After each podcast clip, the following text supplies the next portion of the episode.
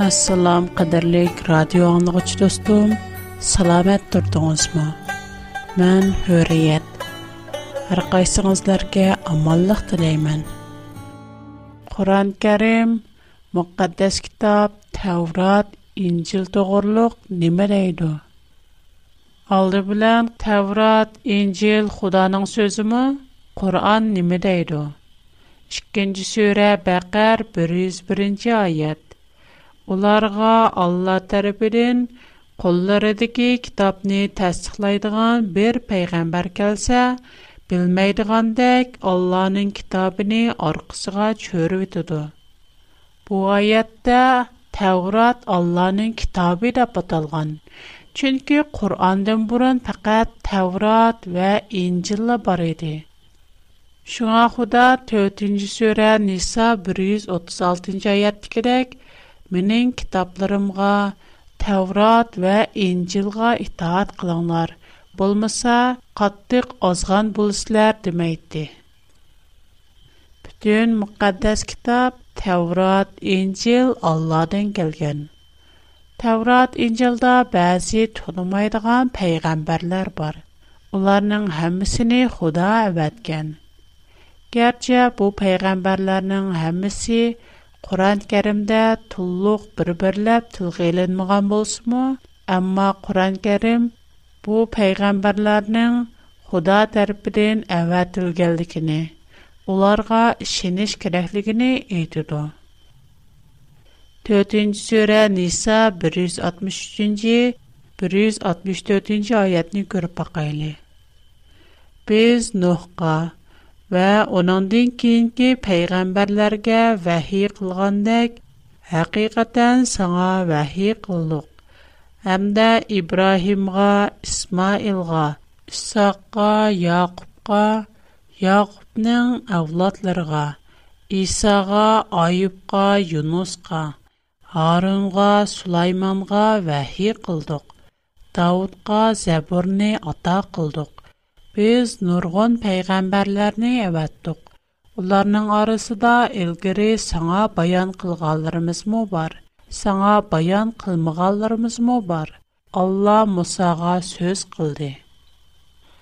Шуңа гәрчә уларның һәммәсе тулык тылгы эленмәгән булсымы, әмма уларның һәммәсе Алладан килгән. Biz bəzidə Təvrat, İncildən bəzi peyğəmbərlərini anlığınımızda, ular Quran-Kərimdə tilgə elinməğanlığı üçün ularının rastlığına gumani nəzərdə qaraymız. Bunda qilish naiti xata. Quran-Kərimmo bunda qılıqlarını azğallıq dəb əyibləydi. Gerçi Quran-Kərimdə müqəddəs kitab Təvrat və İncil – Allah'nın sözü Allah'tan kelgen dep eniq tur simo amma biz köpçemiz bu kitaplar özgergen burumlanğan deymiz Allah'nın sözini özgergen dep onunğa şekk keltirmiz Agar biz Allah'nın sözü bolğan Tevrat ve İncilni özgerdi desek ondaqta Allah'nın sözü U ئەسنە sözләре булган мүқәддەس китапларны күгдәе алмады. Қуран-Каримдә Алла мүқәддەس китапны күгдәшкә вадә 15-нче сүре, 9 10 13-нче аят. Шәксез ки сенеңдән илгәри бурынкы һәр кайсы тайипларга нургын Улар Куръанга ишенмейдү. Бу бурындын адат болуп калган иш. Бу аятны тахлил кылып көрөлү. Улар Куръанга ишенмейдү. Бу бурындын адат болуп калган иш. Мушаят yalghız Куръанны көрсөтөмдү. Энечке тахлил кылып көрсөк, бу һәркес yalghız Куръанны картылган эмес. Чөнки Куръандын бурун эмне бар? Тәурат вә Инчил бар. Құранның бұрын әргіз Құранның мәвкіт бұл іші мүмкін Бу Бұ бұрындың адет бұлып қалған ішкен, ондақта кішілер үлгірімі Тәурат вә Инчилға шәк кәлтірген.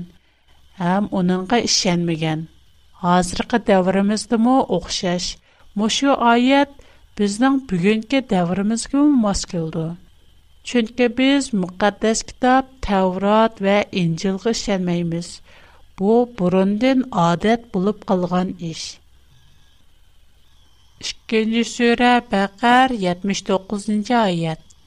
Kitabni öz qolları bilan yazıb, onu az pulğa setiş üçün bu Allah tərəfindən nazil bolğan digicilərə vay.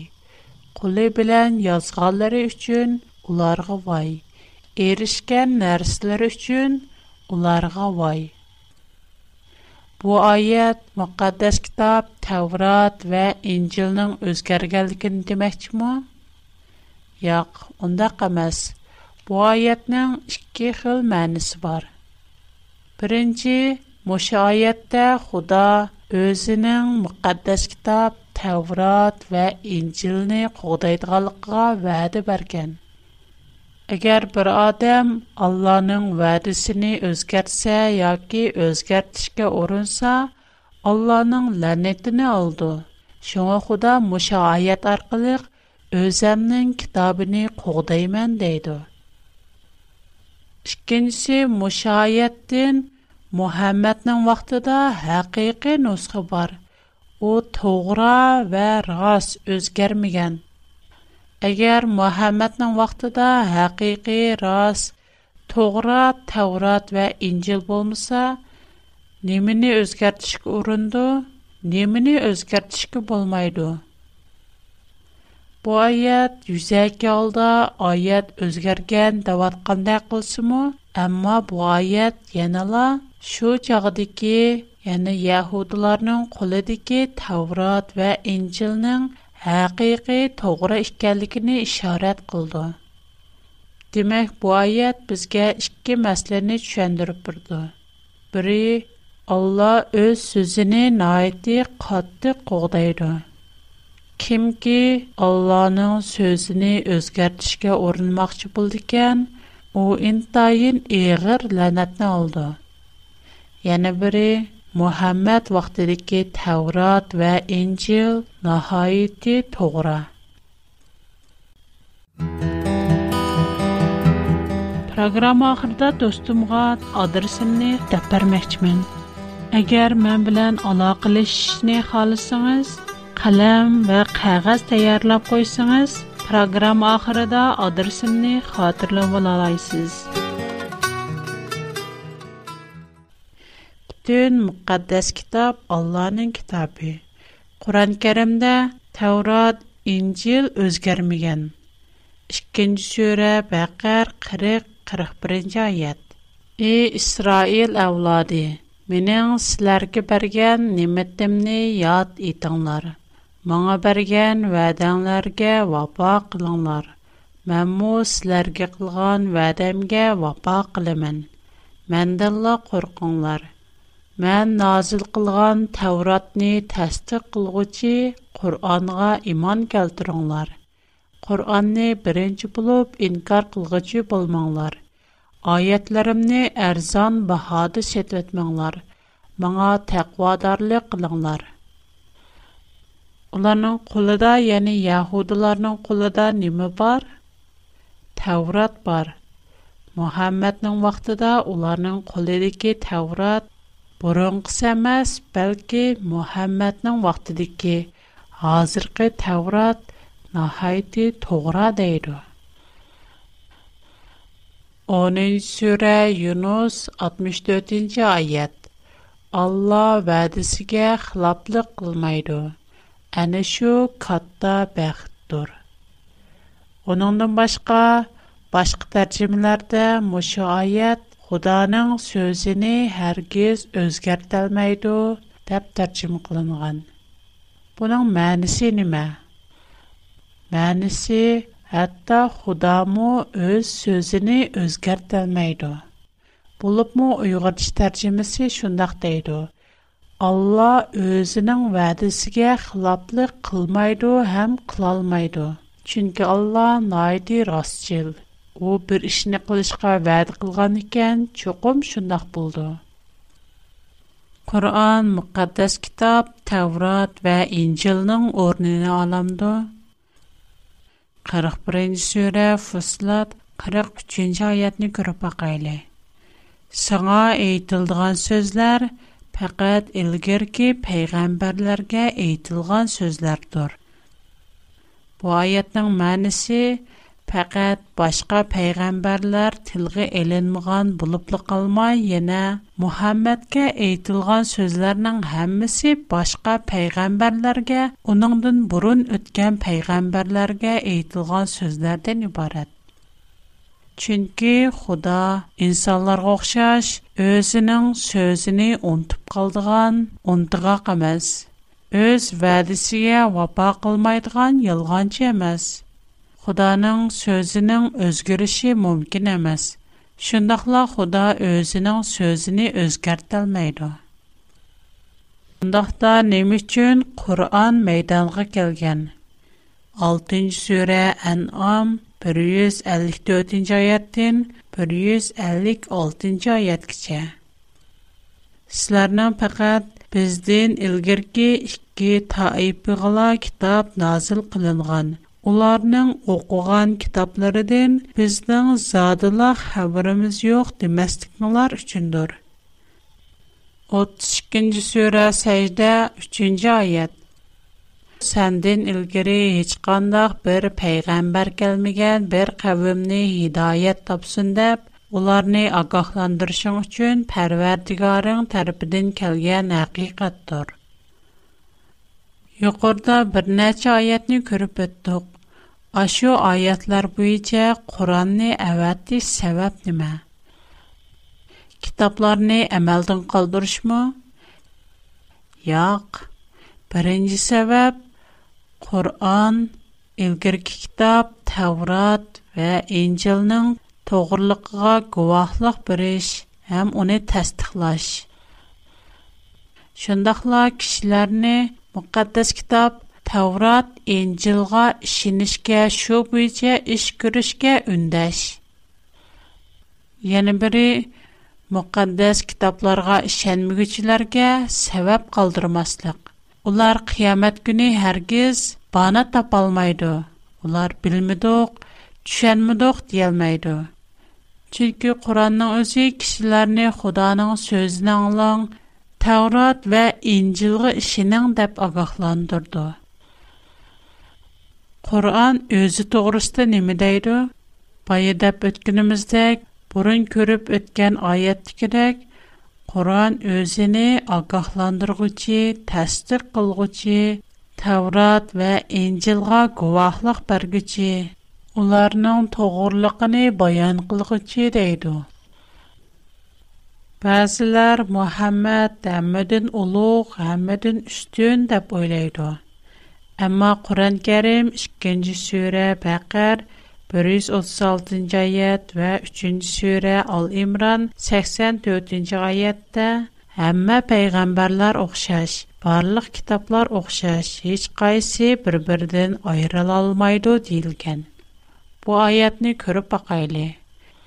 Әйтіңлар ки, Аллаға иман еттіқ, бізге назыл қылынған вәхиге, Ибраһимга, Исмаилға, Иссаққа, Яқыпқа вә оның авлатларыға назыл қылынған вәхиге, Мусаға бірілгенге, Исаға бірілгенге, Вә пәйғамбарларға пәрвердігарі тәріпіден бірілгенге иман еттіқ. Onların heç birini ayırıb etməyimiz. Muhammed'in özü mü müqəddəs kitab bulğan Tevrat və İncil qışəngən. Şundaqla başqalarını mı Tevrat və İncil qışınışqə şu büyücə iş qılışqa ündüyən, dəvət qılğan.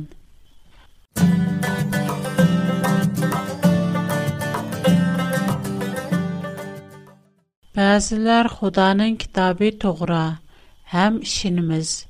Biroq u bizning qo'llanma emas, u bizning yetakchi emas, ijro qilmayman deydi. Muqaddas kitobga bo'ysunish kerakmi yoki ijro qilish kerak emas? U bizning yetakchi emasmi? 2-chi sura Baqar 53-oyat. Без вахтада силәрне һидаят тапсын деп Мусаға хакны батылдан айыручы китапны бардык. Мушаайятта Тэврат кишләрне йетекчси, яхшы белән яманны айыручы, инсаннарның yol көрсәткчси дилгән. Чөнки Тэвратның үзе тугра хатаны айырыйду һәм аныңга энерге выкем чыкды. Тавратнын үгүми хукуклук. 3-нче сүрө Ал-Имран 3-4-нче аят. Өзүдөн илгерки китепларны тасдик кылгычы хак китепни саңа назил кылды. Илгери кишилерге жол көрсөткүч кылып, Таврат менен Инжилни назил кылган иде. Хак менен батылны айыргычы китепни назил кылды. Бу аятларның мәнисе интайын очыка мәсмі? Тәурат вә Инчил бүтін инсанларның ел башлығы түсі, ел көрсәт қылынған. Шуңа оны оқышлы күбайы қылмайды. Оларны һәм ичра қылыш керек. Әгәр біз мұшы китапны ичра қылмысақ, қандақ ақуәтлік қылмыз – Bu kitob bo'yicha ish qilmasa, Xudoning yo'li o'zgardimi, ko'chib ketdimi? Qur'onda qandoq narsa to'g'ri yo'l? 2-nji sura Baqar 159-oyat. Bu kitobda kishilarga to'g'ri yo'lni aniq bayon qilganimizdan keyin biz nazil qilgan ro'shan dalillarni va to'g'ri yo'lni yo'shirdiganlarga Allah lənət qıldı. Lənət qılğıçlarmı onlara lənət qıldı. Qaysı kitabda kişilərə doğru yol eniq bayan qılınğan? Əlbəttə Tavrat və İncildə kişilərə doğru yol bayan qılınğan. Xudanın işarəti və vəhisi onların qulu bar, var. Yəni Yahudların qulu da Олмаса, олар немені үшірді? Еш немені үшір алмайды. Әгер оныңға бойсынмасақ, нәг барымыз? Құда бізге мұқаддас кітап, тәурат вә инжіліні ижіра қылмастықыны әргіз демеді. Шыққенде сөйрі бәқәр 87-ci айет. Шәк шөкіпісіз ке біз Мұсаға кітап бәрдіқ. Оныңдың кен – Arqı marqa peygamberler awatdyk. Maryam ogly Isağa möçizeler berdik. Hemde ony Ruhul Qudus bilen yuldyk. Her qachan birer peygamber köngülçülere ýakmaýdýan bir näse elip kelse, täkkaburlyk edýärämsizler. Bir qism peygamberleri inkar boldyňlar, ýa bir qism peygamberleri öldürdiňler. Bu aýetden Hudaňyň gazpy aniq chiqib turdi xudo kitobni inkor qilganlarga noiti qattiq xafa bo'ldi chunki xudoning so'zini ijro qilmaganlar bor biror payg'ambar o'lib ketishi bilan uning so'zini ijro qilmaslik kerakmi ular o'lgandan keyin ularning so'zi o'zgarib ketamdi ular hakavurliq takabburlik qilib haqiqatga bo'ysunmadi Шуңа Худа каттык хапы болды. Әгәр бізмо тәкәббурлык кылып, Худаның сөзіге бойсынмасақ, сөзіні icra қылмасақ, біздің ақыбетіміз неме? Мошу сүрədəki bu gəplər faqat Yahudilar üçünmü? Bu ayətlər bizgəmi qartılğan emasmı? Xuda həqiqət əvətkəndə Xudanın arzusu nimə? Худа чуқум инсанларның оның сөзіні аңылышыны, бойсынышыны һәм шу бүйче икра қылышыны арсу қылды. Худа Құранда мұқаддас китап, Таурат, Инжилни оқыш керек му, әмәс му, бұ тоғырлық немі дейді. Ишкенжі сөре Бәкәр 78-ci аят. Onlarning savadsizlari kitobni o'qimaydi, o'ydirmanala bildi, gumon bilanla ish qildi. Demek bu ayatning ma'nosi Xudoning so'zini faraz qilishga bo'lmaydi. Shak keltirishga texmo bo'lmaydi. Shunga Xudo ularni ayblab, ular gumonxo'rlar, savadsizlar deydi. Xuda bizning müqəddəs kitab, Tevrat, İncilni oxuşumuzni arzu qılandı. Şundaq əlbəttə Xuda bizning ularni oxuşumuzni həm yaxşı bilishimizni, tushunishimizni xalaydı. 3-cü surə Al-İmran 65-ci ayət. Ey əhli kitab, Nima uchun Ibrohim to'g'risida munoziralashsizlar? Holbuki Tavrat bilan Injil İbrahimdən keyin nazil boldu. Düşənməmsizlər? Demək şu çağda müqəddəs kitab Tavrat, İncil Yahudilərin qolunda bolsunmu, amma bəzi Yahudilər kitabni yaxşı oxumağan yoki düşənməyən. Şuna Xuda onları əyibləyən. Yana şu surə 79-cı ayət. Алла برر инсанга غا کتاب نه حکمت кин, پیغمبر لح نه برگندین کین. اون انجیلر گه الله نه قیوب معا بند بلوندار دیشی لایح بول میده. ولی کین کتاب نه یوگت کلیکانلار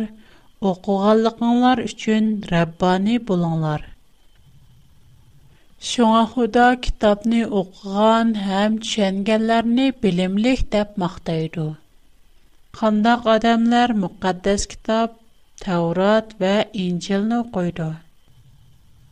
Төтінші сөре Ниса 162-кінші Уларның Оларның ішчедікі білімі чонқұр болғаларға саңа назыл қылынған кітапқа, Сәндин илгири назил кылынган китапларга иман әйтидган мөэминләргә, Аллага ва ахирет күнегә иман әйткычларга катта аҗир кылмыз. Бу аятләрдә бәк билимлек адам мөхәддәс китап, Таврот ва Инҗилне укыды.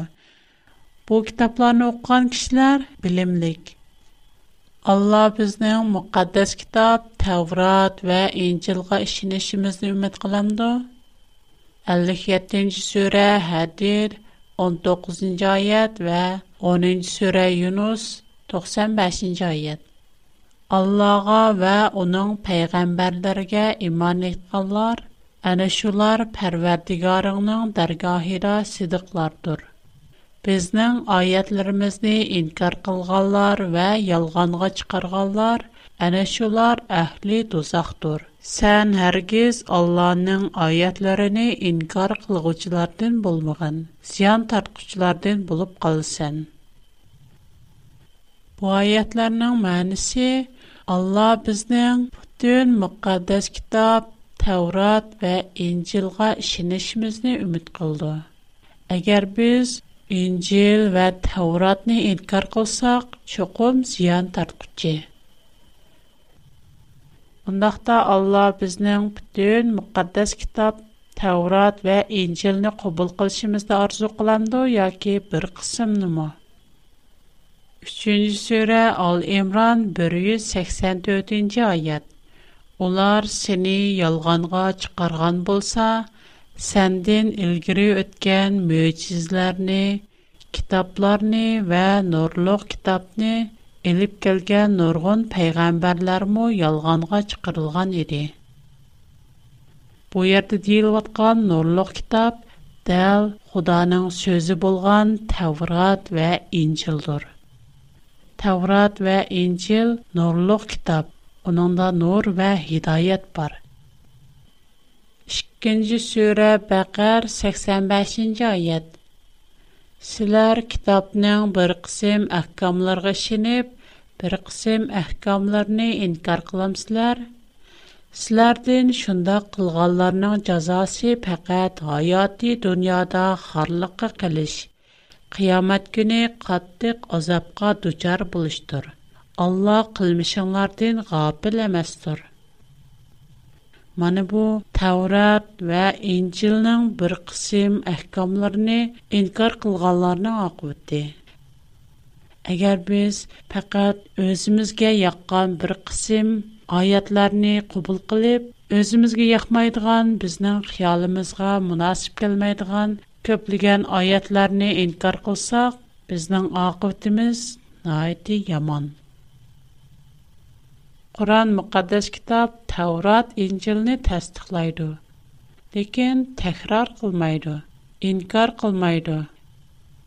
Yəni Quran müqəddəs kitab Tavrat, İncilni qoğdaydı.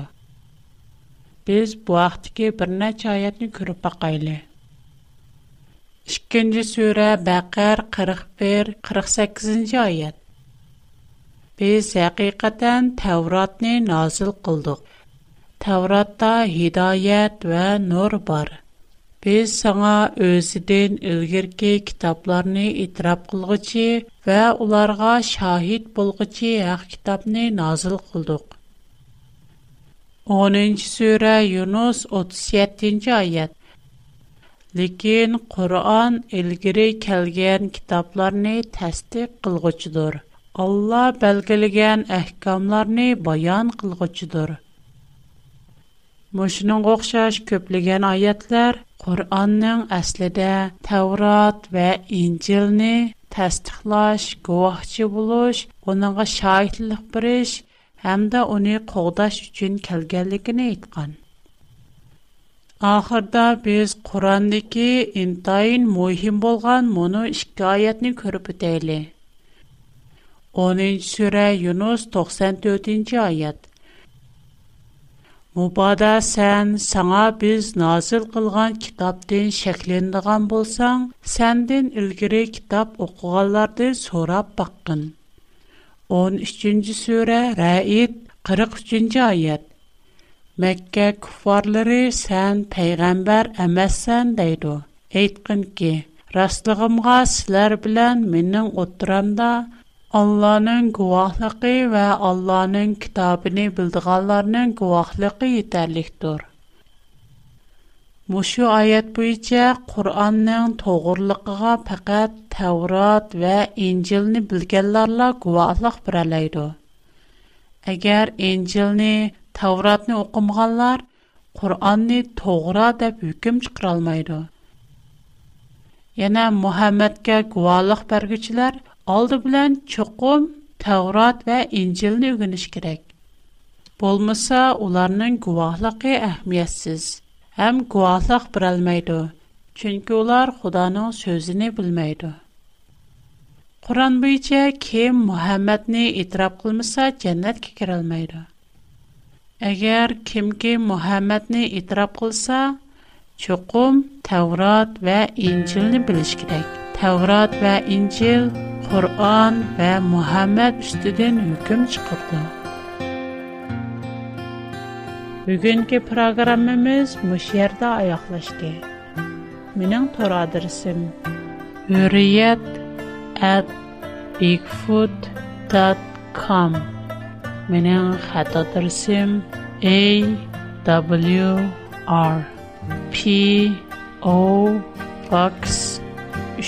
a w r Hong Kong. Mening hanzicha xato darsim Shangang Yujin Zongju Xishang 110 numar. Xo'sh, Xudoga xush Xushvaqt bulonglar